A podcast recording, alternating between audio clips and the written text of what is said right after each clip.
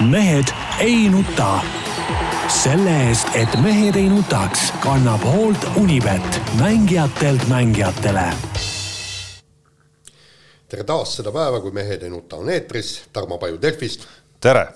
Peep Pahv Delfist ja Eesti Päevalehest. tervist Jaan Martinson Delfist, Eesti Päevalehest ja igalt poolt mujalt ja, ja Peep on meil siin sämelenud juba siin sellest peale, kui me hakkasime siia saatesse tulema ja, ja noh, ta on üldiselt. ei, sämelemine on mingi muu asi. sämelemine on see, kui sa nagu tõmbled edasi-tagasi. sa ju puhtalt teedki seda. ei, ei ma käisin täna tualetis. ei no jaa, aga mikrofoni sul ei ole pa, paigal, sa verbaalselt tõmbled. ei verbaalselt ma pidin, et kuulajad ka midagi aru saaksid, ma pidin Jaan Martinsoni selgeks tegema, et kui ta, kui nagu talle ei meeldi talv, ta rääkis, et õige talv on pluss kümme, eks ole, selle asemel, et nautida lund, ta tahab elada Hispaanias, ma ütlesin, et sa oled lihtsalt kodumaa reetur, noh et, et no siis ei olegi midagi rääkida, noh ja siis ta hakkas midagi õigustama sinna, et, et see ei ole nagu, et see ei ole nagu nii, hakkas välja mõtlema mingeid demagoogilisi mingeid teooriaid, noh, see on täiega jama. sulle, sulle Jaan. sina kui põline, põline Vasalemma mees, asja sa siia Tallinnasse tuled, see on pealinna värk. ei, ei no lisage, väga õige, sellepärast et ma käin, ütleme, linnainimeste hüvesid ära võtmas, et, et ütleme nagu õõnestada linnaelanike jalgealust. sa kaevasid endale on... praegu sellise augu praegu ise aru saamata, et see on ju Peep täpselt see, mida näiteks Soomes töötavad eestlased käivad tegemas, keda sa kritiseerid. see on teine asi. kus, kus kohas? see ei ole üldse teine asi. absoluutselt teine asi. ja siis sa lisaks veel, lisaks veel oma. see on teine asi. kui Jaan rääkis, ta tahaks elada Hispaanias, need Soomes tööd teevad, need ei ela Soomes, nad tulevad iga nädalavahetus koju. Neid kõiki sa oled ka kritiseerinud kui reetureid, ma saan aru, et tänasega see kriitika kõik ei, kaotas oma kehtivuse. põhimõtteliselt nad muidugi ei ole õiged inimesed. ja noh, nagu sina siis järelikult, kes Tallinnas tööl käib, mitte ei aja ikka oma see on kaks täiesti erinevat asja. peale Eesti piires käimine, see on nagu normaalne, Eestist väljaminek. kokkuvõttes ei ole nagu eh, rahvuste vasalemlane, sihukest asja pole olemas, on on ikkagi nagu eestlane rahvas. kas sulle ei tundu, Jaan, et kui me oleme siin kõik need aastad tundnud üksteist, siis Peep minu arust pani, eksis nagu taaskord praegu, et, et öeldes, et ei ole olemas rahvust vasalemlane, siis mul aastate jooksul on küll tekkinud tunne, et see ikkagi on olemas. ütleme, see on nähtus. see on nähtus jah, vot see on õige, see on õige väljend. ja, ja, ja, ja kusjuures Peep, ma võin sind rõõmustada, varsti tuleb ju seadus, et sa saad oma maks, osa oma maksurahast viia nagu teise valda, niimoodi ma usun, et pool oma maksurahast tood sa Tallinna, sellepärast et sa käid siin tööl, sa sõidad mingil juhul miks mitte? aga mis ma peaksin? sellepärast sa sõidad minu teed katki. Tallinn on Eesti Vabariigi pealinn, siin võib igaüks käia. ei või. võib. ei või. sina ise elad Jõelähtmel ju. ei no vot mina käin seal külas, ma olen põline tallinlane. no sellest sa oledki siuke nõme mees. no tõsine, tõsine intellektuaalne, intellektuaalne tuleproov läks lahti siin muidugi. millega? talle ei meeldi talv, aa ei olnud, nüüd järsku ei ole. talve osas ma loomulikult no. äh, olin temaga eri meelt, ehk siis äh, eelistan ikkagi äh, sellist talve, kus detsembris sajab lumi maha, siis hoiab miinus viite terve talv, vahepeal lumi värskeneb natukene, tuleb natukene peale, kuni siis märtsi algusest sulab ära ja, ja ongi ideaalne talv. selles osas muidugi oleme eri meelt. aga selles, märtsi lõpus. aga selles osas, äh, et, et, et kuidagi kuidagi panna pahaks, kui ta näiteks tahab veeta oma siin nii-öelda nautimise, elu nautimisaastaid äh, kuskil soojemas kohas, eriti talvel näiteks. lase käia, igati kiidab takka. kusjuures just. selleks elu ongi just et nädala... teha täpselt nii, nagu ta, sulle meeldib. just nädalavahetusel äh, abikaasaga veini võttes me igaks juhuks vaatasime, kuidas on näiteks äh, seal Itaalia lõuna pool need temperatuurid, innustatuna Jamie Oliveri saatest, kus ta näitas Sitsiilia kööki kõik, pluss viisteist väga ilus ilm, nii et. Äh, nii palju võib-olla ütlengi sulle, kui sa Sitsiilia mängu tõid, et äh, ma pigem, kui sa juba sinna suunas nagu rihid, siis rihi ikkagi Itaalia poole, mitte Hispaania ja ei, see. miks see Itaalia parem on? no lihtsalt selline, selline sümpaatia minul on, on tekkinud elu jooksul Itaalia toidu ja, ja kogu käisin, selle kandi vastu. ma isegi sel aastal käisin Lõuna-Itaalias veel, jõudsin enne, kui see jama pihta hakkas poistega mängimas käia, päris, päris lõunas seal, põhimõtteliselt Itaalia talla all, eks ole no Lõuna-Itaalia ei olegi see põhikoht, kus käia. minu arust see nüüd küll mingi erilise iluga see paik silma ei paistnud, tähendab noh, suht, suht räpakas, ropakas ja, ja ei mingit. no Lõuna-Itaalia, Peep, ei olegi see kõige nagu, ägedam. nagu kõik Lõunamaad, ega see ka Lõuna-Hispaanias midagi erilist pole. ei olegi kõige ägedam piirkond, aga ma usun, et Jaan, sa nõustud ka, et ega Peep ei näeks seda ilu, isegi kui see tal nagu vastu karjub kuskil. mina näen ilu siis, kui on ikka, mis on nagu ilus, Eestimaal on ilus. nii, nii, jätame Vaidle poliitika ka ilmselt vahele ja, ja lähme nüüd äh, kohe spordi juurde, et äh, ei, ma ikkagi, ma tahan tervitada ikkagi no tervita. ma tahan tervitada neid äh, sada üht äh, tola, kes seal äh, Toompeal istuvad, et tead kõike siin, siin ei ole mingit vahet, siin ei ole vaja vahet teha, et kes on siit või sealt. See komejant, mis eile seal maha mängiti nagu ühelt poolt ja teiselt poolt, see oli nagu, no see ühest, ühest otsast muidugi naljakas, eks see andis nagu päevale kõvasti nagu värvi. Teistpidi see oli ikka, tontlikkuse musternäide nagu rohkem pole selle teema kohta midagi ütelda. ei, mina, kui sa, ei, kui sa juba avasid selle, siis mina vastupidi äh, ütleks, et, et äh, tegelikult just nagu äge, et kui sa vaatad parlamente, ma ei tea, Briti parlamenti näiteks, et, et siis see kirg, mis sealt nagu vastu vaatab, võiks vabalt nagu rohkem ka siia, siia tulla, et ei aeta mingit igavat nagu sellist nagu nii-öelda partei ette antud juttu. vaid, ongi iga vaid, seadustega tegeledes ei ole räägitakse ka sellest, mida keegi nagu isiklikult ja südamest tegelikult arvab, ükskõik kas see jutt äh, mulle meeldib või ei, meeldi. kas meeldib või ei meeldi, igal jutul on oma koht, see ei ole kindlasti see koht seal no,. ei ole see parlament mingi, mingi püha koht, nagu ütles siin Peeter Ernits, et see on mingi püha saal, kus ei tohi umbes lillegi liigutada ei, ja, püha, ja oma arvamust. seal on see seaduste, seaduste tegemise koht, see ongi kõik. seda oma arvamust just võiks, võikski nad kõik rohkem väljendada ja selle oma arvamuse järgi ka hääletada näiteks. Tarmo siis ei saa, siis ei oleks mõtet ju parteilisi nimekirju valida sinna, onju siis peaks valima isikuid lihtsalt. Tarmo, töö ei ole möla ajamine sealsamas parlamendis, vaid seaduste vastuvõtmine, tehku. vaata, kui ma tulen ka nüüd näiteks, tulen Peebu juurde, ütlen nii, sa tahtsid, et ma kirjutan artikli, aga ei ma ja ma ajangi sulle. pean mingi, pead kõnet kõigepealt, eks ole. ei no kuule, siis ma üritan sind vaigistada, ütleme, ütleme, kuna meil mikrofoni seal tööres ei ole, siis ma üritan oma kämblaga Jaani suud sulgeda, siis vahepeal lased lahti, vaata, kas ta räägib edasi või ei räägi, räägib edasi, panen uuesti kinni ja, ja siis uuesti lahti. ja, ja nii ja siis äh, lehte jäävad valged küljed ja siis me põhjendame, lähme Urmo Soonvalli juurde ütlema, vabandage väga, aga me, me ajasime möla sel ajal. no okei okay.. jah, see on okei okay.. no ma võiks ka vastupidise näite tuua, et äh, kui sa selle paralleeli tõid juba, et oletame, et, et, et on vaks vahet, kas sulle lihtsalt nii-öelda antakse ette kuskilt ülevalt poolt, ma ei tea, isegi Peibust ülevalt poolt, nii, nüüd tuleb need, need, need lood teha või teil tekib ka mingi sisemine, mingisugune nagu äh, toimetusesisene arutelu, et ja, ja vaidlus isegi vajadusel, kas teha seda lugu või teist Aa, lugu, kas see on õigem või too õige. see on koosoleku teema, no, ei ole nagu, see ei olnud seal eile koosolek. ei no parlament ongi üks koosolek. no jumal, selleks muud kohad. missugused kohad, kus nad peavad tegema seda? komisjonid ja fraktsioonid ja ma ei tea. vastupidi, lõpp äh, nii-öelda nagu ülim on ikkagi see, mis ei, saalis see ei ole koosolekute pidamise koht, nii. nii, räägime rallist äh,. rallid, jah. mitte mingit üllatust, maailmameister selgus, Sebastian Ogier võttis oma seitsmenda tiitli äh,, Elfin Evans muidugi, kes läks neljateistpunktilise liidrina äh, Monza rallile, noh, see oli paras käkerdamine, see Monza ralli välja arvatud siis laupäev, kui mägedes sõideti, no oskas muidugi libedal äh, teel oma auto kraavi ajada. Samas Ogier sõitis sedasama katset ääretult rahulikult. Ja, ja nii ta kroonitigi maailmameistriks, et noh, eile me Ralli stuudios pikalt rääkisime. ega me ei ole kõik... tänasest väga pikalt rääkinud, seda kõik, kõik peaksid vaatama Eesti Ralli stuudiot lihtsalt, sealt oli kõik ära öeldud. just no ma ei tea, sõitis ta nagu piisavalt rahulikult, lihtsalt äh, üritades veel sellest sõnasabast kinni haarata, et piisavalt rahulikult, et kui Evans ei oleks teda hoiatanud, et ta oleks siis teele jäänud, seda me ei tea. seda me ei tea, aga, aga, aga ütleme niimoodi, et, et mõelge nüüd, eks, et ühesõnaga Ogier sõitis äh, kilomeeter või tähendab sekund kilomeetri kohta aeglasemalt. Äh, Evans palus tal hoo maha võtta ja ka siis võttis Ogier auto vibama, siis selle pealt ma küsin kuule, kus su mõistus on, Elfin?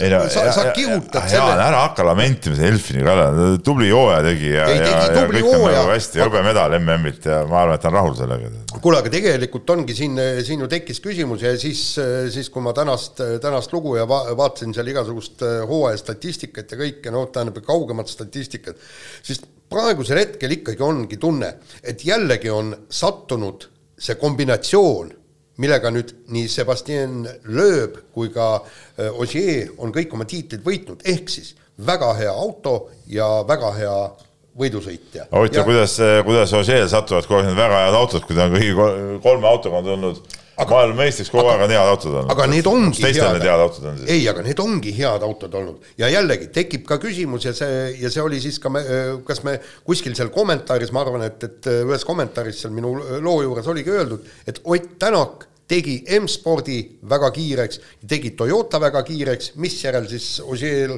oli väga mugav siin autosse istuda ja, ja kaks tiitlit. no nii nagu Jaan, ma sulle juba eile ütlesin kuskil koridori vestluses, eks ole, et, et sa nagu asjadest nagu tegelikult ka aru saaksid, et et, et jah, muidugi Tänak tegi Fordi ja, ja Toyota kiireks, aga tegi nad eelkõige nagu, nagu endast lähtuvalt kiireks, et, et, et iga mees peab ikka nagu enda, enda järgi selle auto sättima, nagu sa nägid, ütleme Oti Oti süsteemis autoga siin Latvalad ja, ja Miigid ei suutnud ju sõita.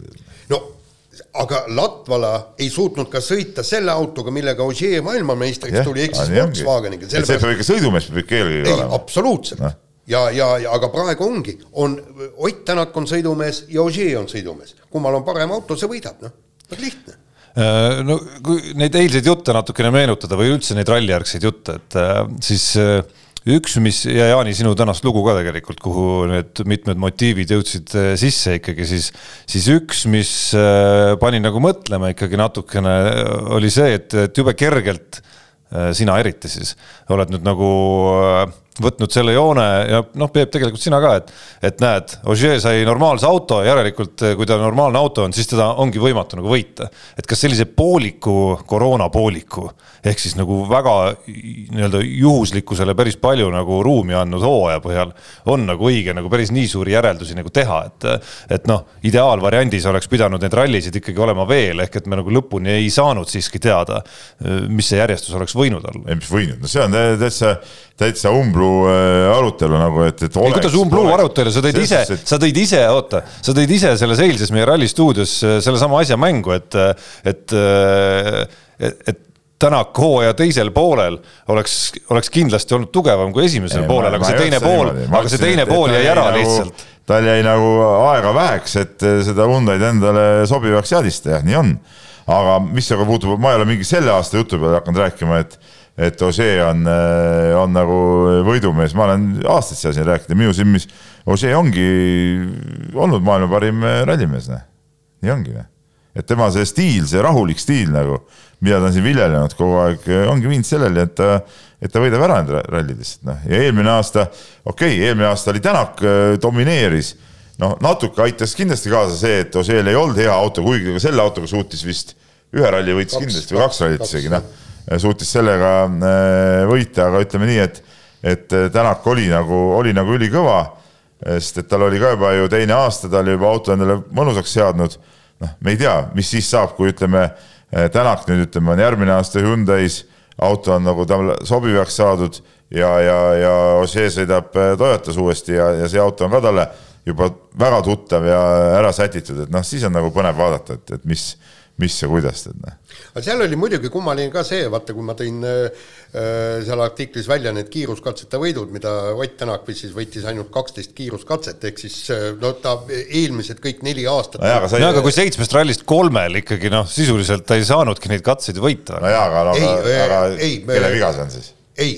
kahel juhul oli Hyundai viga. ei, ei Tarmo. puhas Hyundai viga. ei, ühel ta ikkagi, see, see ei olnud kolm Äh, kolm katset, ühel ta võitis neid katseid, aga, aga seal tekkisid tal ju alguses probleemid, pärast ta sai ju kenasti võita ja, ja, ja äh, sisuliselt oli siis poolteist äh, või no isegi vähem kui poolteist rallit, eks ühest rallist kolmveerand. no pluss oli Rootsi veel oma mingi ja, ja, kogu selle stardiandiga. ja, ja ma võtsin protsendi, nii, aga, aga kõige selle kõrval Hyundai võitis ju rohkem äh, kiiruskatseid, kui võitis Toyota. Ja Terrine Vill võttis kakskümmend kaheksa kiiruskatset, meie me kaheteistkümne vastu. ja ega tema ju ei saanud ka ju, vaata, ta, ta ju käis ka igal pool väljas ja, ja pani crash'e ja ja kõik nii, et selles mõttes tundub, et, et Ott ei ole tõesti saanud veel Hyundai'ga sina sõbraks. aga mis me siis ütleme, et ega väga palju aega ei ole jäänud uue hooaja alguseni, et, et kui uue hooaja nii-öelda koefitsiente peaks hakkama püsti panema, siis kes on esimene? vaata, vaata, siin on see asi et nüüd uus hooaeg hakkab ja seal hooaja alguses on esimesed rallid on need, mida Tänak on sõidu, okei okay,, tal jäi suhteliselt lühikeseks eh, nii eh, Monte Carlo kui, kui Rootsi oligi lühike, aga põhimõtteliselt tal on ikkagi, nüüd on tal juba mingi arusaam, kuidas selle autoga sõita Monte Carlo teedel, kuidas selle autoga sõita Rootsi lumel või, või jääl või mis iganes seal parajasti on ja, ja kuidas sealt ka järgmistel rallidel, need, mida ta nüüd juba sõitnud on, need tingimused on kõik nagu läbi käidud juba, noh, see on hoopis teine olukord, kui oli eelmine aasta, me ei saa niimoodi üks-ühele seda kindlasti võtta praegu. no aga kes oleks soosik, uue hooaja soosik? no ikka Ožee, mitte midagi ei ole teha. ei no Ožee kindlasti, noh, aga, aga kindlasti ka Tänak, noh. et, et kui, kui sa ütled, kumb on nagu suurem soosik, siis no ikka Ožee, Ožee, temal on ju tuntud no. ja hea auto no,. ütleme, ütleme nii jah, võib-olla tõesti, sest ega me ei tea, kui hästi Tänak üldse selle Hyundai'ga no me ei ole seda pilti ju tegelikult saab. väga saanud, et eelmised kaks rallit ja. ju nagu noh, täit pilti ei saanud ju anda, punktikatsetel võib-olla ainult nägime. ja, ja, ja teine, teine küsimus on ju see, et, et kui vastupidav on Hyundai, see on just seesama, mis me oleme aastaid ju Toyota kallal haukunud. no tegelikult ega ta üldjuhul on ikka suht vastupidav no jaa, aga siin ikkagi tekkisid probleemid, temal ja Tanis Ordol tekkisid ju no probleemid tekkisid ikka Toyota, mäletad, et Osee ju pidi ju mootori rikke tõttu ka ühe ralli katkestama. jah, aga, aga selle, seda ütles ju Thierry Neville, eks, et noh. aga kõige, jah, Neville ütles, et kõige rohkem oli kaotus nagu, nagu Hyundai sellest, noh. et eks, ega sellega on raske vastu vaielda. et ega see kuivad faktid on ju, see on, siin ei saa nagu midagi eriti musta-valgeks rääkida nii et ootame, ootame järgmist hooaega, loodame, et see järgmine hooaeg ikkagi tuleks täiesti korralik ja saa-, saa-, saaks sõidetud, noh, kas just need kõik kaksteist rallit, mis planeeritud, vähemalt kümme kindlasti oleks hea, kui sest see, niikuinii hakkavad mingid riigid selle mina ei näe ühtegi põhjust, miks ei peaks kahtteist rallit sõitma, noh. ei ole ühtegi põhjust, Jaan. ei, ma ka ei näe põhjust, me ei näinud ju ka põhjust, et miks oleks sellel aastal ja. rallid pidanud ära jääma. Soome ralli, Saksa ralli, veel mitmed rallid, eks, kus oleks saanud sõita noh, praegugi jõuaks veel, okei okay,, detsembris vist mitte, aga, aga seesama lõpukalender on ju väga hõre olnud tegelikult juba planeeritult, et seal sellesama Monza ralli eel üks jäi vahelt ära, aga seal ongi päris pikad pausid nagu hooaja lõpus alati, et siin oleks jõudnud ju reageerida päris hästi. ja kusjuures nüüd on vähemalt FIA nii palju mõistust pähe võtnud, et nad on ju teinud äh, nii-öelda varurallid ja varu äh,, varuajad, et, et, et ja. sinna mahutada nagu rallisid. Ja ma arvan, et Monza oleks valmis kindlasti tulema, noh, mine sa tea, lätlased, kes siin iganes no nii, räägime jalgpallist natukene ka. Äh, loositi jalgpalli maailmameistrivõistluste valikturniiri alagrupid ja Eesti sai siis ühte gruppi Belgia, Walesi, Tšehhi ja Valgevenega. ja sellest äh, nii-öelda kõige alumisest grupist me siis endale ei saanudki kedagi, et jäi natukene väiksem grupp ja no ütleme nii, et äh, grupp on selline, kus nagu Aivar Poolak ütles väga õigesti välja, et eesmärk on mitte jääda viimaseks. kas ei tundunud äh, sulle ja teile, et märkimisväärne nihe on toimunud kuidagimoodi siin viimaste aastatega, et tavaliselt me ikka alustame igat tsüklit vähemalt jutu järgi plaaniga jõuda finaalturniirile no,, aga nüüd rääkisime ei, viimase ei, koha vältimisest. okei okay,, okei okay no saate aru ise ka, et see jutt on praegu pahatahtlik, mis te, mis te ei, nagu, miks? mis te nagu räägid, et ei, ei, see ei ole isegi mõeldud pahatahtlikuna, selles no, mõttes, et no sest need eelmised jutud finaalturniirile jõudmises sellises alagrupis no see oleks naeruväärne öelda, et, et meie nüüd võidame ära selle alagrupi, noh. mille pealt siis, noh? ei no aga mille pealt siis? Peep, eelmised alagrupid. mille pealt, Jaan, ma ütlen, sa saaks praegu ütelda, et me võidame selle alagrupi. ühtegi sellist äh, selle, detaili ei ole. selle tähelepanu juhtimise mõte on, Peep, et varasemalt me ikkagi oleme öelnud selliseid asju. ma ei tea, kas ikka on öeldud, et me võidame mm. ei, ei, no võidame päris mitte, aga et siht on seal ikkagi või midagi sellist. ja no see on tüüpiline see Pohlaku umbluum, mis ta on kogu aeg ajanud, eh, mingit filosoofilist juttu, et jah, me kunagi tahame sinna jõuda ja nii edasi. aga reaalsuses see ei maksa midagi ja see, mis ta eile ütles, see peegeldabki reaalsust, noh, et, et kui me ei jää viimaseks, siis on juba väga hästi, sest et eh, keda me peaks siis võitma, Valgevenet võib-olla või? no jaa, aga me oleme näiteks kaks tuhat kümme võtsime Belgiat kaks-null väga rahulikult. Tarmo Rüütli eh, sats. no kaks tuhat kümme, jaa, juhin tähelepanu, kümme aastat tagasi. no just, me peaksime olema kümme aastat paremad me oleme kümme aastat arenenud. aga kui kõik võistkonnad kümne aastaga nagu läheb paremaks no, kas siis see jõudude vahekord muutub või? ei. no kuule, Jaan, see on ikka. seda ma just räägingi, et ei muutu, toona me võitsime. pärast seda me oleme kaotanud Belgiale päris suured saunad saime. null kaheksa vist no. oleme sisse saanud. no, no Jaan, sa. aga mis sa selle, aga mis sa siis seda praegu, mis sa räägid saja aasta tagust mängu ja räägime ka viimasest mängust. järelikult me peame nüüd ka null kaheksa kaotama, kui jõudude vahekord ei muutu no,. Nagu pigem, pigem me peamegi no., pigem me peamegi, aga noh, vaatame ikka asja optimistlikumat külge. no Jaan, mõistlik on lihtsalt umbluu asemel äh, nagu reaalset pilti vaadata, et ilmselgelt me lähemate kuudega ei tee mingisugust tohutut arenguhüpet. tulgu siia ükspuha kes peatreeneriks, ega see midagi nii kardinaalselt ei, ei muuda, see on nagu selge. jaa, aga siit ongi küsimus, eks, et mida on teinud jällegi seesama tüüpiline küsimus, Island, Soome, kõik Ei no- paneme, mida, mida, mida nemad on kümne aastaga teinud ja mida meie oleme tegemata jätnud. no meil ei ole mõtet sedasama juttu siin Jaa, ei, äh, muidugi, hakata just. üle rääkima, mida me oleme arutanud juba siin äh, nende viimaste mängude ja mänguperioodide jooksul, et, et kus see koer siis ikkagi nagu maetud on, et et äh, võib-olla lähem küsimus ongi seesama peatreeneri küsimus, mis mulle tundub, et peaks olema nüüd siis lähinädalate äh, lahendus ilmselt jah, et sellel nädalal vist on üks suurem koosolek isegi sel teemal, kuigi siin jalgpalliinimesed ikkagi pakuvad, et tegelikult vist on juba olemas kuskil keegi, kes teab, et temast saab Eesti jalgpallikoondise uus peatreener. no nii, nii, nii võib olla jah, aga, aga, aga ma ütlen veelkord, et ega see peatreener ei ole nüüd mingisugune issand jumal, kes kuskilt tuleb ja, ja paneb selle meeskonna hoopis teistmoodi mängima hoobilt ühest nipsust, et teadupärast ikkagi eh, mängijad, ega ta mängijaid ju väga palju muuta ei saa, noh, mängijad on ju klubide juures, küsimus on ka, mis seisus klubide juures nad tulevad sinna koondisse, selle mingi paari trenniga, mis nad enne kuskil mänge peavad, saavad mingeid taktikalisi nüansse jah teha, aga seda taktikat saab teha ka ainult selle piires ikkagi, et mis, mis nupus sul käes on, sa ei saa nagu ju teha taktikat, mis ei ole, ei ole nagu mõeldav nende nende mängijate tasemega nagu noh, kooskõlas, noh, selles ja ei, selge, selge ja nagu Pohlak ka ütles, et, et meil on vaja põlvkonnavahetus lõpule viia. ja, ja siin ongi, et, et võib-olla tõesti nende mängudega anda kuidagi mõnedele noorematele mängijatele, no Dunjovile või kellele iganes, et võib-olla rohkem natuke mänguaega, eks, et isegi siis, kui kui, kui, kui noh, ta ei peaks seal platsil olema või kuidagi mo-, moodi midagi teha, et me järgmises tsüklis juba oleksime konkurentsivõimelised, järgmine on ju EM-tsükkel tuleb ja ja, ja, ja siis on märgatavalt suuremad võimalused kuhugi, kuhugi pääseda. noh, see on selle vana tõe kordamine, aga aga noh, lõpuks konkreetsele tsüklile vaadates ongi võtmeküsimus, et kuidas siis need äh, eriti seal vanuses ütleme kaheksateist kuni kakskümmend viis, kes meil seal on või natuke alla isegi, et mis nad siis nagu selle perioodi jooksul, mis on valiksarjani jäänud, oma klubi karjäärides nagu teha suudavad siis, et kes suudab kuskil teha hüppeid, kes suudab väljakule pääseda, kes mitte, et et see on nagu see huvitav nähtus, mida on nüüd äh, korvpallifännina olnud huvitav jälgida, et mismoodi need korvpallurid siis nagu käituvad seal igaüks oma erinevas kohas, et kes, kes ei saa mingis kohas hakkama, on sunnitud tagasi tulema, järgmise teema puhul me puudutame seda kohe.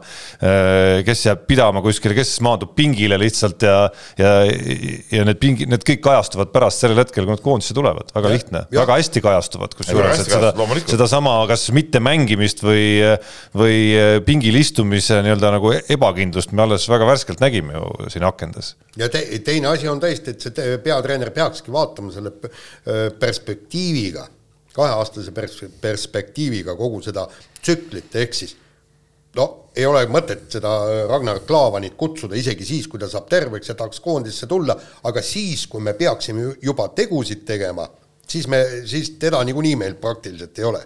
et parem anda siis mänguvõimalus ja tont selle null kaheksaga, no saame null kaheksa, siis saame null kaheksa, vähemalt meil me- järgmine põlvkond saab no kui null kaheksa saame ja see mäng reaalselt käes on, siis jaa, niimoodi sellesse mängu kindlasti ei suhtu, siis ma Ei. olen saanud juba Siis ta hakkab jälle rääkima, kuidas kümme aastat tagasi me ikka- täpselt, Ei, et, saame selle null kaheksa, siis saame. No ära aja siukest käo-jaani ausalt, no see on kui, jamps kui me jutt, võtame noh. selle eesmärgiks ja treener ütleb, näed, ma panen, panin platsile need ja need mängijad selleks, et anda neile nii-öelda kogemusi, mänguvõimalust, et nad äh, tunnetaksid ära, et, et mis tähendab Belgiaga mängida ja, ja ma vaatan seda kahe aasta perspektiivis ja aga seda ja, näitas, seda näitas, et sa, sa ei saa nagu liiga kunstlikult seda liigutust nagu ka teha, et kui sul ikkagi on selgelt näiteks, me küll ei tea, kas Ragnar Klavan tegelikult sisimas kavatseb veel koondist esindama tulla või mitte, on ju.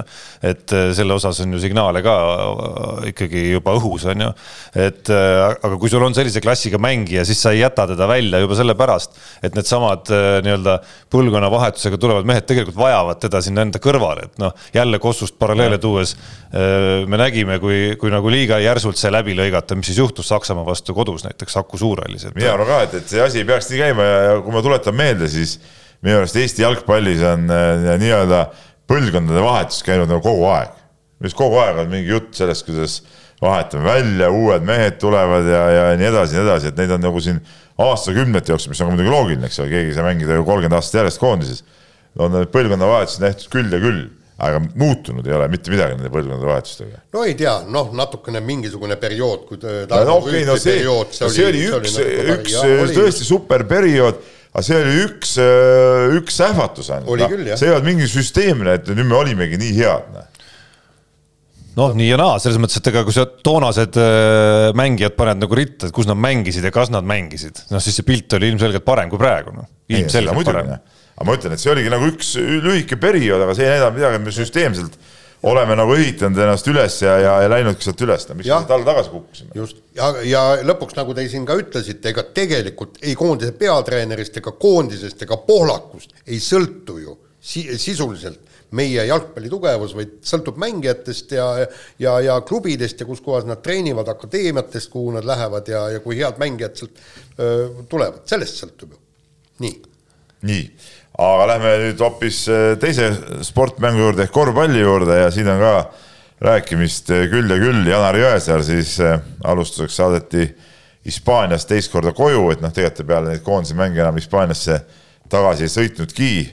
et jõudis siis pidada meistriliigas neli mängu seal ja, ja suuri minuteid ei saanud ja liitus taas Kalev Cramoga, mis ütleme, Kalev Cramo mõistes on muidugi väga-väga hea, hea uudis aga Kalev Cramo asjad üldiselt on muidugi kehvad, palju on vigastatud mängijaid, palju on puuduvaid mängijaid ja, ja laupäeval jäädi võõrsile alla Pärnule koduliigas. ma vaatasin ka seda mängu, et, et noh, ega ütleme jah, et kas selline Kalev olekski pidanud Pärnut võitma, on omaette küsimus no ta ikkagi võiks nagu soosik olla juba selle pealt no,, et, et nad mängivad, et nad mängivad regulaarselt ka vähe kõrgemal tasemel no, mängu, aga, aga ja et nende hooaeg, hooaja algus on ikkagi nagu väga lappes tegelikult. kui, kui seal jooksevad platsi ringi Indrek Sunelikud, eks ole, siis seal mängib äh, suhteliselt palju. Hermet, Nurger kes ei ole veel selgelt mingid VTB tasemel mängijad. noh, siiski, siiski, siiski nagu koondise, koondises reaalselt minuteid saavad mängijad, on ju, et noh, ma eeldaks no, ikkagi, et nad on. vastas oli Soome koondise, kes pani Serbiale, ma ei tea, mingi viisteist silma, eks ole. aga noh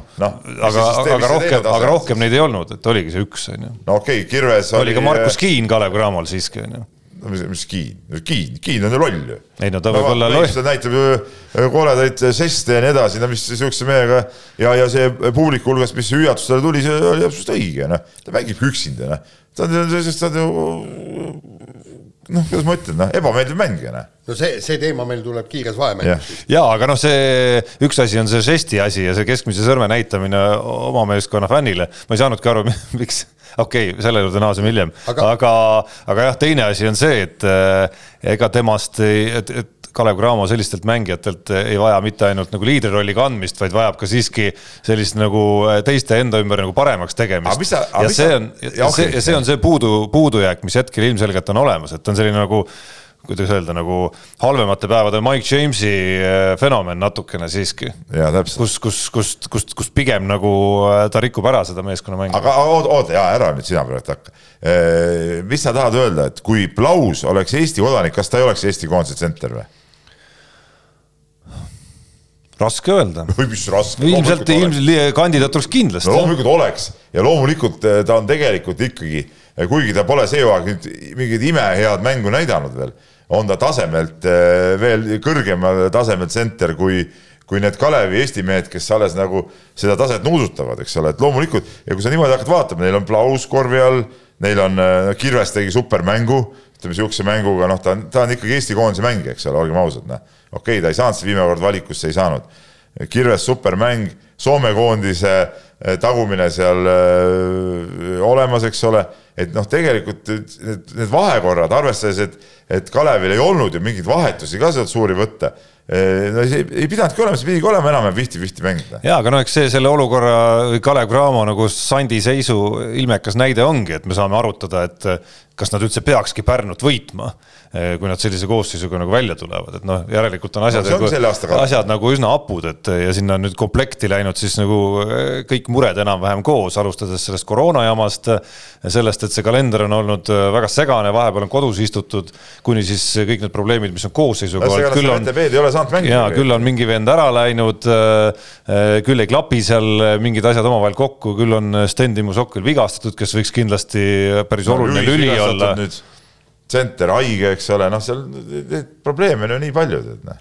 aga, aga ükskõik kui palju ma ka, tulles nüüd jutu alguse juurde tagasi, ükskõik kui palju ma ka ei rõõmustaks selle üle, et, et Janar Jõesaar kulub väga marjaks ära Kalev Cramole, jääb minus nagu rohkem ikkagi nii-öelda valitsemas see tunne, et, et väga kahju, et, et tal niimoodi jälle läks seal. teist korda võttis selle treti ette, nii nagu ta rääkis sulle ka, oli, oli veendunud, et seekord nii ei lähe, tegi eeltööd seal veel, eh, suhtles treeneriga, aga kohale minnes ikkagi selle treeneri nii-öelda soosingusse ta ei sattunud, see on fakt. jah, see on fakt ja, ja, ja nii läks. ma oleks eelistanud eh, varianti, kus ta oleks eduka hooaja Hispaanias teinud, mitte et Kalev Cramo sai hea mehe tagasi.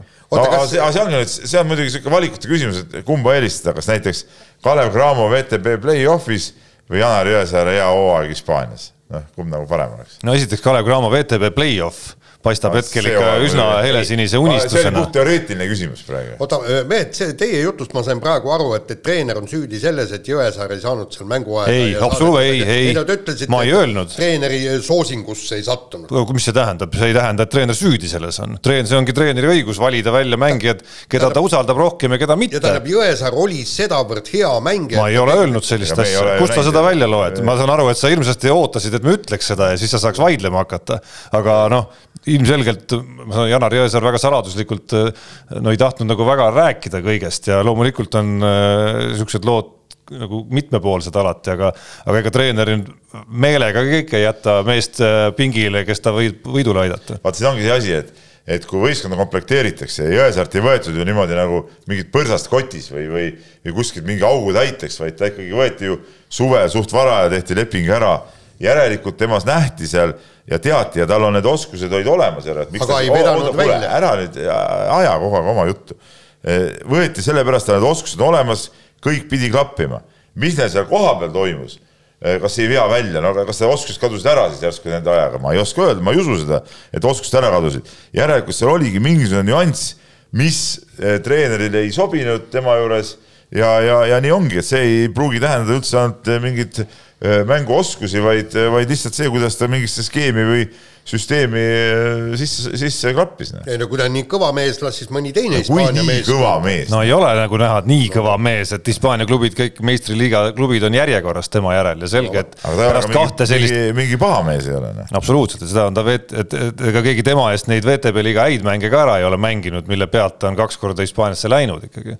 nii, okei okay,, lõpetame nüüd korvpalli teema, see on liiga pikalt räägime alati korvpallist, räägime võrkpallist ja äh, tulevase MM-i eel valikturniir ei toimu äh,. noh, ju siis koroonaviiruse tõttu ja, ja pannakse asjad paika, no seal on äh, nii-öelda kõvad, kõvad meeskonnad, MM-i kõvad mees, eelmise MM-i kõvad meeskonnad saavad edasi, siis iga maailmajao kaks parimat saavad ka MM-ile ja ülejäänud pannakse paika äh, maailma edetabeli järgi. kusjuures edetabelisüsteemi muudeti ja muudeti nii, et võeti arvesse ainult kaks tuhat üheksateist aasta, kui Eestil kõik pekki läks. ja, ja nüüd ongi Eesti mingi kuuekümne neljas või mis iganes ja noh, on seal kuskil niisuguste äh, väga naljakate riikide äh, vahel, niisugune Islandi kandis kuskil, nii et, et äh, no aga mis aasta nad pidanud siis võtma sinu arust? ei, aga, aga nagu ei, meie noor reporter ütles, et millise aasta nad oleks pidanud siis võtma? ei no loomulikult võetakse kas kolm viimast aastat mis, mis kolm viimast aastat, mis see kolme aasta tagune ei maksa enam mitte midagi, näe et, et, et kui valikmängu mängitakse, ega siis sul ka kolme aasta tagused tulemused siin arvesse ei lähe ju sa mängid ikkagi praegu, praegune hetk. kui praegu ei saa, täna ei saa mängida, siis vaata, mis seis oli eile eile ei saa siin, mis oli üleeile ja läh-, lähima selle hetkeni, kui mängiti ja lähim mäng oligi selline, et, et Eesti oli kehva, noh, nii ongi. Noh. nõus, Peep no?. selle, sellega ma olen nõus, aga need reeglid oleks võinud enne paika panna nagu. enne meie... mida, keegi ei teadnud ju, et, et mis sa mõtled, Eesti oleks siis paremini mänginud või? Ja no meie noor reporter ütles, nad, nad ei oleks seda kuldliigat mänginud, noh, nii-öelda äh, andnud äh, mängijatele võimaluse. ei no jaa, kui sa lähed kuldliigat mängima, siis sa lähedki selleks, et seal ikkagi maksimumtulemust teha, noh. see ei ole mingisugune, see ei ole mingi kontrollturniir, noh see ei ole mingisugune, ma ei tea, Delfi kapp või mingisugune ja. mingi Tihemetsa kang, eks ole. no lõpp, lõppkokkuvõttes oli selge, et see kaks tuhat üheksateist läks pekki, me olime ju EM-il ka ääretult kehvad ja kõik, et. nii ongi, no ja see oligi ja, ja, ja selle taseme pealt võetigi, seega midagi teha ei ole no, no ma saan aru, et ega ka vana süsteemi järgi me ikkagi päris seal joone peal ei oleks olnud, et, et selles mõttes on see kõik siin natukene nagu ju ja ei siis seda nagu suurt vahet ju ei ole. ei no jah, aga me oleks olnud kõrgemal ja, ja, ja nüüd arvestatakse ka järgmise aasta mänge ja tähendab, sealt oleks võinud ennast sinna sisse sudida aga, aga praegu sealt kuskilt no aga võib-olla oleks pidanud siis vaatama üldse alates, ma ei tea, kaheksakümnenda aasta olümpiast, me oleks Viljar Loori olümpiavõidu eest mingeid eripunkte saanud. kuuskümmend kaheksa. kuuskümmend kaheksa, liidu tšempionid, noh, no näiteks, noh.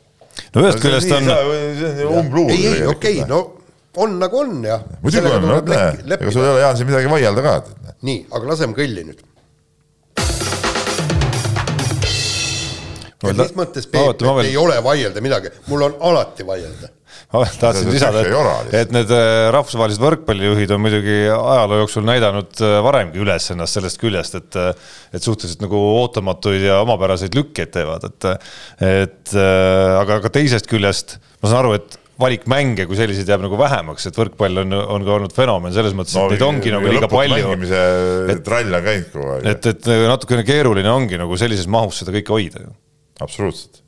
nii, nii Äh, aga võrkpalliga jätkame ja Tartu Bigbanki treener äh, Alar Rikberg äh, palus oma meestel pärast kõva kaotust TalTechile või kuidas no ütleme õige TTÜ-le ikkagi. TTÜ-le ütle, andis meestele väga konkreetse ülesande või palve, otsige oma munad üles ja ilmselt oligi, olidki need munad meestel peidus, sellepärast järgmises mängus rahulikult kolm-null võtsid ja kuldse game'i nad võitsid viisteist, ma ei tea, kas kolm, neli, viis, palju vastased said, ühesõnaga. ei, aga äh, väga õige soovitus. Noh. jaa, ei absoluutselt. selles suhtes väga õige soovitus, et kui, äh, kui ikkagi mehed ei, ei mängi, eks ole, noh siis, äh, siis tulebki tulebki teid eh, ka pisut karmimate sõnadega kohelda ja noh, mida karmimat saad mehele veel ütelda, et sul on munad küljest ära, eks ole, kukkunud. aga, aga kusjuures vaata, kui huvitav, eks võrkpallurid said sellest asjast aru, leidsid munad üles ja hakkasid mängima, mäletad seda beibeskandaali, kui Heino Enden nimetas korvpallurit beibedeks? Ja siis oli kõik pisaraid pühkides, et kuidas ta niimoodi ütles meile no tagantjärele vaadates äh, leidsid ju ka munad ülesse, Kristjan Kangurid, Janar Taltsid äh, viisid lõpuks meeskonna finaalturniirile isegi. et Enden äh, käskis ka neil, ütleme, peibedest, ütleme, seelikud ära visata munad tagasi endale külge ja püksid jalga ja, ja läheb, läheb tööks, eks. aga, aga, aga seal oli vingu küll, et kuidas niimoodi treener ja. meile ütles. seda vingumist ei ole vaja. seda vingumist ei ole vaja ja, ja väga õige. ma küll tegelikult, olgem, olgem täpsed, mina ei mäleta, et nad oleks vingunud ise sel teemal, vähemalt avalikult kuskil, et see on ka selline nagu noh, legend natukene, et ma ei tea, kas sa päriselt leiad mõne koha, kus nad nagu avalikult nagu vinguma hakkasid loomulikult, kui ajakirjanik läks ja küsis, nad pidid midagi nagu ütlema, on ju, selle kohta. no aga siis ütlegi, et väga aga... õiged, olemegi beibed. olemegi beibed, treeneril oli täiesti õigus, meil ei olnud mune, nüüd ma lähen kapist, võtan munad üles, kruvin külge tagasi ja nüüd lähme ja võidame. no olid nad siis beibed või ei olnud? no sel hetkel olid muidugi, kui Endel no, pärast olid mängumehed. ei olnud siis või ei, ma arvan, et see on pikem vaidlus, kui siin nagu kahe lausega on võimalik ära teha, aga Peep, sul on, äh, sa ise rääkisid mulle siin ühte värvikat lugu oma värskest esiliiga äh, nii-öelda Odusseiast, siis äh, miskipärast Keila, mitte Vasalemma meeskonna peatreenerina, tulles saate alguse teema juurde tagasi, aga okei okay,, see ei ole antud hetkel oluline, et et saan aru, et munade otsimine ikkagi käib ka teie kandis seal no ütleme nii, et vahest tundub küll, et need on riietusruumi seal kuskil pingi alla kukkunud. et kus nad, kus nad siis on? no ei tea. kui, kui munad on kadunud no,, kuidas, kust, kust need üles leida siis? siis nagu jälle nagu leiti üles ka natuke, tead näe või teil alles selgub, kas leitakse üles? no seda ka täpselt ei tea. et need õiged üleskutsed on. vaata noored vennad, vaata seal on, ega see on nagu keerulisem see asi, tead näe. võib-olla polegi veel kasvanud, tead näe. võib-olla võtab aega alles, noh, ma ei tea. nii on.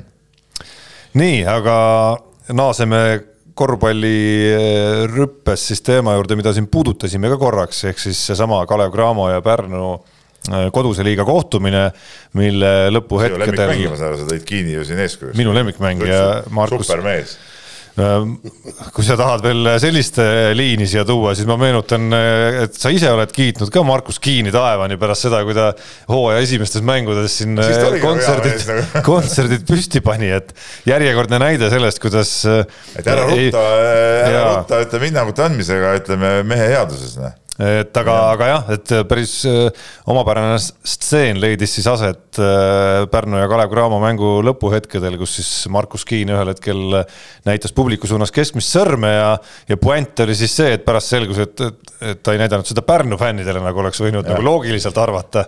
et mida iganes seal keegi oleks võinud talle nagu hüüda seal, aga et tegemist oli lõpuks ikkagi tema enda meeskonna poolehoidjaga, kes siis lihtsalt hõiskas või oli hõiganud talle, et, et kuule mees, sa isetsed liiga palju või no midagi taolist. sa ei ole platsil üksigi.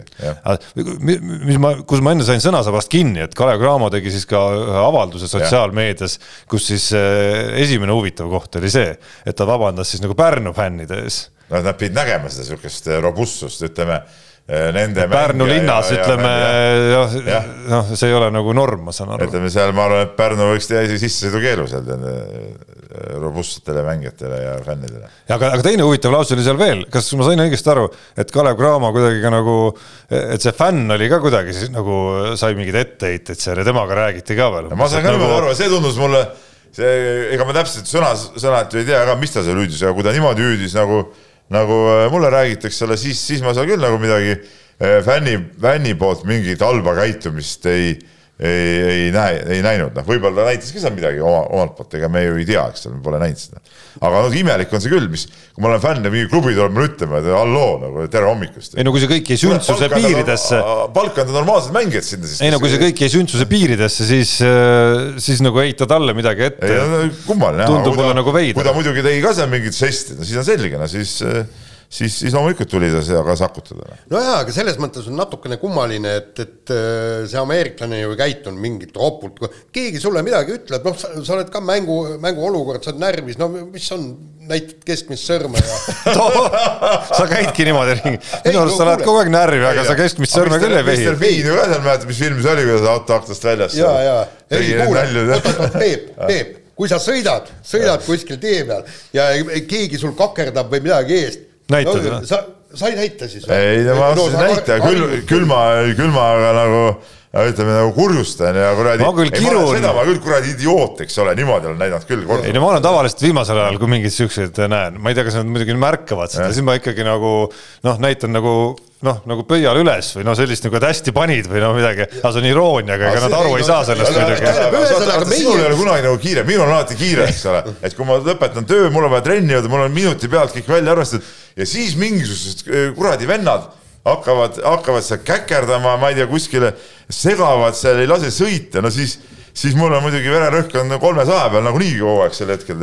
Ja siis, siis ma, mina mingi niimoodi, ma küll ei näita, ma vaja, siis teeb veel nõksakaid, et mööda sõita. jah, aga, aga vot siin ongi nüüd huvitav, tähendab, ühesõnaga tavainimesele kõik see on lubatud, see on kõik, mida me teeme, kuule, me, me. ei, see ei ole lubatud loomulikult. sellest võib ikkagi, sellest kui normaalse, kui sa mulle näitaks, siis sa võiks nagu ütleme nagu kere peale ka saada. no näitasin ju täna hommikul siis, no kui sa seal paganama kapis olid, ma lihtsalt näitasin sulle keskmist sõrme. no mul oli koosolek sel hetkel. no just, sellepärast ma näitasin, istud jälle oma lollil koosolekul seal, eks. ja, ja kusjuures no meie toimetuses on noh ei no okei okay,, meie toetus on teine asi, aga no selge see, sa ei saa platsil siukest asja lubada ja selles suhtes, mis ei no kuule, oma meeskonna fänne peaks nagu austama. oma või võõra, seal pole mingit vahet. mulle meeldis väga Stelmachersi otsus ja. mitte teda platsile panna, aga kas või maksta mänguga selle eest, aga sellega sa näitad talle ära, et kuule, halloo, et, et et nii ei saa, nii ei saa teha. ega kui ta oleks see on ju tehnilise vea koht ka ja see on ilmselgelt tehniline viga, sest seal on, et sa ei tohi nagu, sa isegi, sa ei tohi enda peale nagu ennast kiruda või öelda seal mingeid roppusi iseenda kohta, eks ole. see on kohe tehniline, et sa nagu ju, ju okei okay,, sa ei visatud sisse see küll, see tehniline, kui ma õieti mäletaks mööda, onju. aga, aga. ei, seal oli rohkem vabaviskeid oli kolm lõpuks. tehnilise oma läks kindlasti mööda. ei no tehniline oma esimene vise. aa, no siis läks mööda jah, viimane, kolmest viimane läks sisse, esimesed kaks läksid mööda. kui on tehniline, siis alati klaaritakse tehnilise ära ja siis läheb mäng jätkub samast kohast, kus see pooleli, tead noh nii, järgmine teema. aga, aga ei, korraks veel, et noh, seal ilmselgelt ikkagi on, äh, on nagu mõnes mõttes võib-olla Kalev Cramole isegi oli see nagu teene, et see asi nagu sellisel kujul korraks nagu üle kaane sealt nagu pulbitses või kees on ju, et, et noh, selgelt hüpates tagasi selle eelmise, eelmise korra juurde, kui me Kalev Cramost rääkisime, et seal nagu ma isegi ei tea, Stelmachers ei ole ju üldse mitte pehme kuju, Stelmachers on ikka nagu väga karm kuju. pärast mängu riietusruumis ei olnud nagu kõige ütleme selline äh, sulnim äh, õhkkond noh. et, et, et selles mõttes seda huvitavam on, et, et ta ei ole kuidagi saanud nagu seda kiini seni nagu, nagu natuke meeskondlikumalt äh, mängima ikkagi. sa ei saagi mõnda ja sa ei saagi mõnda, no ta ongi selline, ta on selliseks loodud. et võib-olla sellised asjad nagu natukene mõjuvad, noh, Euroliiga näitel ma siin Mike Jamesi mainisin juba Äh, sellest sai Mike James meeskonnast välja korraks visata. ja, ei no pärast seda visat-, pärast seda on äh, CSKA võitnud ja mees on hästi mänginud, aga ma ei ütleks, et ta nüüd nagu tohutult palju muutunud on, lihtsalt on sisse visanud sisse, tohutult, tohutult palju. ootab pikisilmiga Aleksei Svedi, ütleme, hetkelist äh, võistkonnast eemaldamist või no midagi temaga nagu tegemist, et noh no see on üldse äh, üks veidruse tippe, kui sa sinna juttu viisid muidugi, mis Imkis toimub, et ma saan aru, et. kuule, kuule, nüüd me läheme jälle. ei, ma tahan lihtsalt korraks markeerida. meil on teised teemad. see on oluline koht ikkagi, et see, ma saan aru, et seal asjad on jumala viltu. osa mängijaid on üle pea kasvanud. Ja siis selle asemel, et. nüüd tehti, tead, mis tehti? mingid abitreenerid saadeti minema. abitreener saati minema ja toodi, vana Maltsev toodi siis abitreeneriks. mingi täielik kino ikkagi. nii, aga kinost räägime veel kinost räägime veel ja, ja ma ütlen, et tegelikult, kui nüüd päris aus olla. oota, kas see päriselt otsustati Oota, nagu lõplikult ära? kui päris aus olla, siis tegelikult eh, need Kiini eh, käemärgid sobiksid praegu teemantliiga korraldajate poole teele saata küll. halloo, noh, täielik totrus. kuidas saab nii teha, et teemantliigas nüüd jääbki nii, et ütleme, väljakualadel on ta siis kaugus või, või kolmikhüpe või kuul või ketas või oda, viie katse järel viimasele katsele pääsevad siis eh, kolm esimest ja see viimase katse tulemus siis loeb. jah, see loeb. oota, on see nagu lõplik ikka? no see, see on teemantliigas on lõplik. teemantliigas, no ütleme, see ei ole nagu olümpial ega MM-il, aga see on ohumärk, et kui see juba seal on, siis see varsti jõuab ka päris tiitlivõistlustele ja ma ütlen nii, et siis on kergejõustik on sellega surnud. Ma, ma tahaks teada, mis, mis kuradi kohaga mõtlevad need ma ei tea, saade läheb ära, ma helistasin Eerik Tegemäele, küsin ka, et tema on ka suur kergejõustikujuht, mis kuradi kohaga te mehed mõtlete, noh? no see on ebareaalne, noh. no nad tahavad show'd teha. mis, mis kuradi show'd, sport on sport, see ei ole mingi show ju, noh see on lollus ju. sellepärast, et me, me kaotame ära need imelised hetked, kui vend on, vend on kaheksandalt kohalt äh, suutnud ennast esi, ei, no esimeseks ja kõik. okei okay,, ma panen oda, panen sada meetrit, tead noh, kolmandal katsel aga viimasel katsel ei tule välja, no sina võidad hoopis oma kuuekümne ühe meetrise viskega, mis asi see on siis, noh? no aga nii on. no see on ju lollus ju, no, no muidugi on lollus. no, no ma ei tahagi niisugust sporti nagu kajastada, ei taha niisuguse spordiga üldse tegemist teha ja, ja, ja nii ongi no.. Peep, aga samas, samas ma ütlen, et lohutuseks ja jällegi noor reporter Märt Roosna selle peale kehitas üt, õlgu, ütles teemalt liigal me tegelikult niikuinii neid väljakualasid telekast ei näe. ikka näeb, näeb küll ikka tegelikult näeb ikka natuke. ja enamasti sa näed, et. siis juba võiks ju minna, lähme siis edasi siis. saja meetri jooksus, nii, üheksakümne meetri peal, kes on kolm esimest, tulevad tagasi jooksevad viimased kümme meetrit eh, kolmekesi. jah uus start ja siis kolm, kümme meetrit sealt, noh. no missugune lollus see oleks siis, noh. ei, me mõtlesime seal ka veel, et, et äh, muidki reegleid tuleks näiteks, mikspärast ketta, kettas mõõdetakse seda kohta, kus ja. Äh, ketas maad puudutab, miks seda, kus ketas seisma jääb? seal võiks ju panna lutsu ju täitsa ja libiseb ja libisebki ei tea kuhu väga äge, jumala äge oleks. ja, noh. ja näiteks kõrgus- ja teivashüppes igalühel üks hüpe ise ei, paned endale. tegelikult ei, mis mingit latti pole vajagi ju, tänapäeva tehnoloogiad võimaldavad ju mõõta äh, igasuguste kiirede asjadega, kui kõrgele sa kerkisid lihtsalt. just täpselt. ja sa hüppadki, mingit latti ei ole ja siis tuleb tulemus ekraani peale ja ongi kõik. igalühel üks hüpe ja kõik. jah, et andke minna, noh.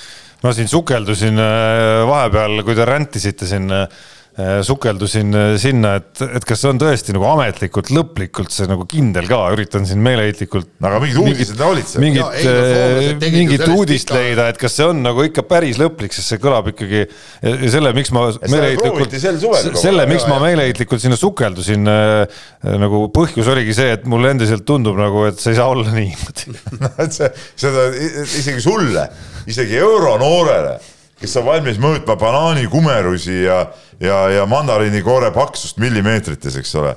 isegi talle tundub see nagu absurdne, see on tõesti hämmastav. nii, aga kiirelt järgmine teema. vaatan mina vormel ühe tulemusi, ma sõitu ei vaadanud. aga põnev oli. ei no, oleks ma teadnud, et ta põnev on, siis ma oleks vaadanud ja vaatan.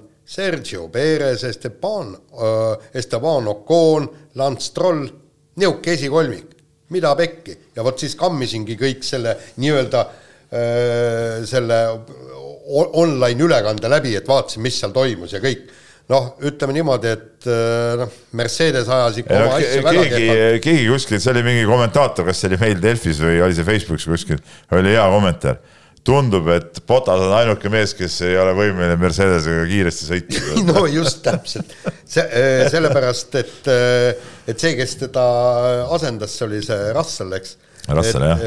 et ikka no ütleme juba stardist tegi kohe Botasele ära ja praegu on näiteks Soome ju täielikus paanikas. no Potasel oli suu ikka päris vett täis ausalt öeldes no.. no just ja tegelikult Soome on selles mõttes paanikas, ütles, et noh, et, et isegi need Soome enda asjatundjad, kes on, kes on väga Botase poolt, ütlesid, et nemad ei näe mitte mingisugust ühtegi põhjust, miks peaks Botas olema Mercedeses.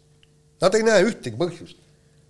nii on jah, et, et, et sellised ütleme hetked, kus tulevad mingisugused varuvõistlejad ja on ootamatult kiired, siis need on, need võivad olla väga saatuslikud mõnele, mõnele teisele mehele. No see ikkagi kõige- näiliselt siiamaani olnud nagu ikka nagu tubli sõidumees, eks ole. see ikkagi kõige briljantsem osa jätsid muidugi mainimata, kuidas Mercedes ikkagi pani valed rehvid. ei no just... just see oli omaette tsirkus, et seal Valed rehvid meestele alla. Läksid vist pooled enda omad ja pooled eh, Botase rehvid või mingi sihuke värk. ja, ja, ja siis pidi tagasi tulema ja siis lõpuks läks tal veel rep katki ja, ja kusjuures vot see oleks ikkagi võimas olnud, kui ta oleks tulnud ja võitnud selle, selle etapi ära, on ju, ja siis mida ta oligi jäänud- võitmas tegelikult. no ta oligi ju võitmas ja üsna kindlalt võitmas ja Botas oleks pidanud siis seal ninanokkidest pealt vaatama, kuidas, kuidas eh, keegi sealt ta- suvaline sass tuleb ja võidušampat joob. no ma vahepeal siin ikkagi ühe silmaga vaatan, et kisub ikka vist jah sinna selle teemant liiga asjaga. et broadcaster'id ehk siis nagu teleülekannete tootjad on eelkõige need, kes, kellele väga meeldib see. et ikkagi nii-öelda finals, see on nagu final three ja see ikkagi aitab sellise nagu mõnusa puändi ikkagi iga ala lõppu. mina ütlen ära, mina keeldun teemat liigat eh, uuel hooajal vaatamast. kuule, aga, aga, aga nüüd vist või? nüüd vist laseme kõlli ja, ja siis Unibet. Unibetis saab tasuta vaadata aastas enam kui viiekümne tuhande mängu otseülekannet. seda isegi mobiilis ja tahvelarvutis. Unibet, mängijatelt mängijatele nii, noh, pekki läks mul. no ei saanud oma Evansi viitekümmend eurot kätte. Jaanikene, see oli ju kohe teada, et see nii läheb. No aga mul oli väike lootus. No me võtsime- me ei hakanud siin eriti nagu sulle vastu vaidlema, lasime sul vanamehel lihtsalt nagu, nagu elada selles mingis õndsas teadmises, et sul tuleb mingi selline asi, jah, tahtsid tuju rikkuda, aga no reaalsus oli see, et see oli ju selge noh, lisaks, lisaks ma panin muidugi Tänaku võidule, ei tulnud ka seda, et, et ühesõnaga mul on siis, mis ta on, kakssada kaheksakümmend. No me Peebuga põhimõtteliselt võtsime nagu sama joone eelmisel nädalal ehk et ootasime ära, mida siis nagu, mis sinust saab? mis siis nagu saab, et kas peab sellele tuleb nüüd taktikat ja no, no nüüd on siis, nüüd on siis jäänud loetud nädalad meil ainult, no nüüd, nüüd tehakse see spurt ja Mis võetakse võit kolmsada viisteist. kas see pannakse siis kinni kolmkümmend üks? no see on meie enda otsus No mis no, päeval me paneme. aasta viimase saatega, muidugi. No aasta viimane saade on meil siis, no mõistlik oleks võtta, et esimese jaanuari saatega läheb kinni. Meie traditsioonilise esimese jaanuari saatega. jah, noh, selge, kokku leppinud kogu muusika, Jaan, viimane koht, juba selge. no ei, sealt on võimalik äh, muidugi nüüd hullama ja riskima hakata ei, ja aga sealt on võimalik ka täiesti nulli ennast mängida. no kolmsada viisteist on minu saldo endiselt, et äh, kirun ennast maapõhja tegelikult, ma tunnistan ausalt. et ma mõtlesin seda Ogier panust, seda rallivõidu panust ja noh, jälle läks, läks Ja nii ta- nagu alati, et kui kohe ei Tarmo, pane, siis sa oled nõus sõlmima kihlvedu praegu et Jaan ei võida sealt praeguses seisus seda, seda meie võistlust. äh, kindlasti ei teeks ma seda kihlvedu nagu üks-ühele, selles Ei, mõttes, et nagu no,, et et aga kui, kui, kui rääkida, sõltub, mis koefitsient on, selle võiks teha äkki järgmise nädala eripanuseks. saadad, saadad mulle äh, siukse äh, pooleldi ära joodud õlle ja ma tahan sulle täisõlle või? ei no üks annab äh, ühe ja kolm vastu näiteks. mis see on ju. Isegi arvestades, et ta on viimasel kohal hetkel, siis isegi üks kolmele on no natukene rääkisid kehva üks neljale kuidas. Jaan hakkab tõusma ja ma ei tea, siin rääkisime kuule, muinasjuttu. räägi nii, uue nädala, esiteks Unibeti eripanused ka siiski, et äh, kõigil, kel on soov täna õhtul panna panuseid selle peale, et Messi või Ronaldo löövad väravaid, Barcelona, Juventus on siis meistrite liigas vastamisi, siis äh, on tulemas Mehed ei nuta eripanustena need võimendatud koefitsientidega ja pluss see on see, millega ma kavatsen ära võita selle asja nüüd, on järjekordne meistrite liiga ennustusmäng, kakskümmend viis tuhat eurot on seal ees ootamas. sellega lõpeb meie, meie lugu sellel aastal. nii, nii., aga lähme kirjade juurde. kümme tundi on jäänud seal aega veel, ma vastan need kohe pärast saadet ära. mulle meelde, et ma siis mängin ka seda mulle vaata meelest ära. näed, millise skooriga lõpeb Barcelona Juventuse mäng, on esimene küsimus, see on lihtne, see on lihtne triigivad viiki. ma ei ütle teile lihtsalt. aga lähme nüüd äh, kirjade juurde, Eno Astok, äh, meie äh, kirjasaatja on saatnud sihukese kirja, provotseeriva loomulikult, et eile tuli suurepärane uudis, mina, minu silmis muidugi kindlasti mitte suurepärane, et Pariisis jagatakse kahe tuhande kahekümne neljandal aastal olümpiamängude medalid ka breiktantsus kohe tekkis aga küsimus, et kes on Delfi sporditoimetuses nii-öelda ekspert sellel alal, kas Peep või Jaan ning kas see nii-öelda ekspert võiks Mehed ei nuta saates otse-eetris ka mõned spordiala põhiliigutused Eesti rahvale ette näidata. ma võin selle lauaarvuti isegi ära võtta. ei, ma, kas seal on nüüd, vaata breigis, mina mäletan küll, kui breik, breik oli kaheksakümnendatel oli päris moodne, eks ole siis seal oli, eks ole, tehti seda seal käte ja jalgade peal, seda hüppamist, seal pea peal kirjutati, aga siis oli veel, kas breigi juurde käis ka see mingi mingi robotimehed või liigustused, et kummaga, kummas, kas seal on kaks distsipliini? kõik elemendid kokku, ma arvan ikkagi.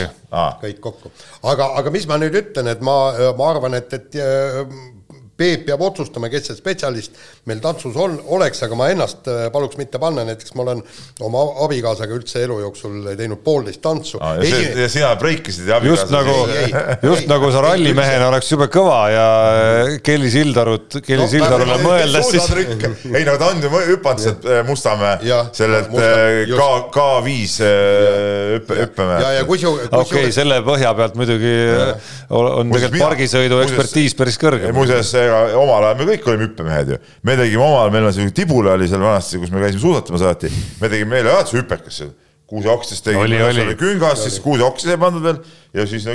aga noh, see on, see annab, see andis, ütleme, meie tegime seda isegi, mõeldes Aruküla isegi... Pärnamäel tegime seda mõeldes ikkagi suusahüpetele, et sealt tuli nagu ja, selle ja. ala ekspertiis, et praegu Arti Aigro hüppeid on väga hea analüüsida. ma ütlen nii, et ma olen omal ajal proovinud isegi lendorava stiili, vaata see ja. praegune veestiil omal ajal ju tuli see kes hakkas seda tegema, see Jan Puklev, Jan Puklev, lendorava stiilis, tulistad ja siis korraks tegid tõksagi ja siis kõhuli pikali tead noh.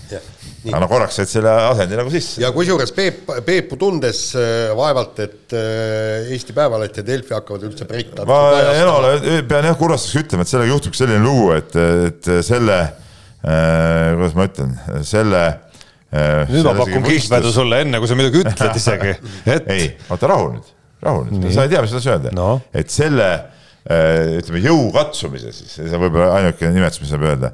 Äh, detailset kirjeldust te meie leheküljel ei saa, kuskil väikses ütleme no, kaheksapunktises kirjas on tulemused. ma teadsin väga hästi ette, mida sa tahad öelda ja pakun endiselt kihlvedu, et, kui sellel alal äh, hakkab mõni äh, Eesti tegija olema olema mingilgi ma vähegi, mingil vähegi arvestataval tasemel ja pääseb ka olümpiale, siis tuleb ka see lugu. ma loodan südamest, et ükski Eesti tegija Peame ei kihla. pääse olümpiale. peame kihla. no siis nagu teine asi, kui sa mingi eestlane, aga tegelikult see on nagu ropp ja ma loodan, et ükski eestlane ei pääse olümpiale. nii, nii, meil on kaks minutit. siin on palju, meil on äh, igasuguseid äh, ralli äh,, ralli küsimusi. Ma mõtlengi, millis, millised siit neist nüüd võtta, võtan siis selle, nii. Aga see, sellest me just rääkisime, nendest autodest, et muuseas, sihuke kiri oli, et loodetakse, et me sellest saates üldse tänakust nii palju ei räägi, et küsimus on veel selles, et kas see sari liialt lahja pole et seal ei võistle isegi ühtki Saksa autotootjat, jutt käib Autole MM-sarjast. ja esinduslik jalka MM, kui esinduslik oleks jalka MM, kui seal ei võistleks ühtegi Euroopa riiki. Äh, noh, mis, mis me arvame sellest? no me arvame seda, et, et selge see, et neid autotootjaid on, on arutult vähe, aga no siin noh, ütleme niimoodi, et FIA saaks kuidagimoodi seda atraktiivseks teha, aga, aga see on ikka nii meeletult kallis, et need autotootjad ei taha sinna raha sisse panna, et noh no aga tegelikult ütleme, seal on ju äh, veel kallimaid sarju, kus autotootjad on sees no jaa, aga need toovad mingil määral äh, tulu ja võib-olla siis noh, on vaadatavamad. tegelikult meie ju ei tea, kui palju maailm seda rallit tegelikult vaatab. me, seda me ei oska. ei no meil on ju räägitud mingeid eurospordi neid vaatajanumbreid, et noh, need mingid ju mingid meeletud numbrid ei ole siin võrreldes, ma ei tea, olümpiamängude või või, või mingite niisuguste suurte asjadega. no jaa, aga rallid, kui paljud riigid seda üldse üle kanna, kannavad? vot seal, seal on küsimus. muide, Tarmo, ma tahan sulle öelda, et meie noor reporter Märt Roos. ma lasin Märt Roosna kirja kiiresti. jaa, aga meil on ainult nelikümmend sekundit. no see oli kõige tähtsam kiri üldse, noh. ei, mis siin pole midagi, ma kohe kiire vastuse, nii ja kirjutab siis noor reporter Roosma äh, ja küsib sellist asja, et äh, ta kuulas siis äh, meie saadet, kus ma siin rääkisin eelmine kord, et et meie talisportlaste tulemustes ei ole midagi ime, imeväärsest ja siis samal ajal tal kuidagi saade katkes ja läks eelmise saate peale, mis me rääkisime seal Tartus ja seal ma ütlesin, et et need eelvõistlused, eelnevad võistlused ei maksa nagu midagi, mis puudutas siis äh, Tuuli Tomingat. ja vastus on selge, äh, ühel korral ma rääkisin sellest ühest eelvõistlusest, mis ta Rootsis pidas, teisel korral teisest ja see üks näitas, teine ei näidanud ja, ja, ja vastus oli igati loogiline. nii ja Nii, sellega see... meie saade lõpeb. see on lihtne, lihtne moodus, kuidas olla suur ekspert ja, ja öelda lihtsalt viimase võistluse põhjal, kas see inimene on kõva või ei ole, aga nii ongi. ja, ja, ja pane see Märt Roosna kiri kindlasti Facebooki ja lugege meie Facebooki, nii sellega on saade lõppenud. mehed ei nuta. saate tõi sinuni Unibet, mängijatelt mängijatele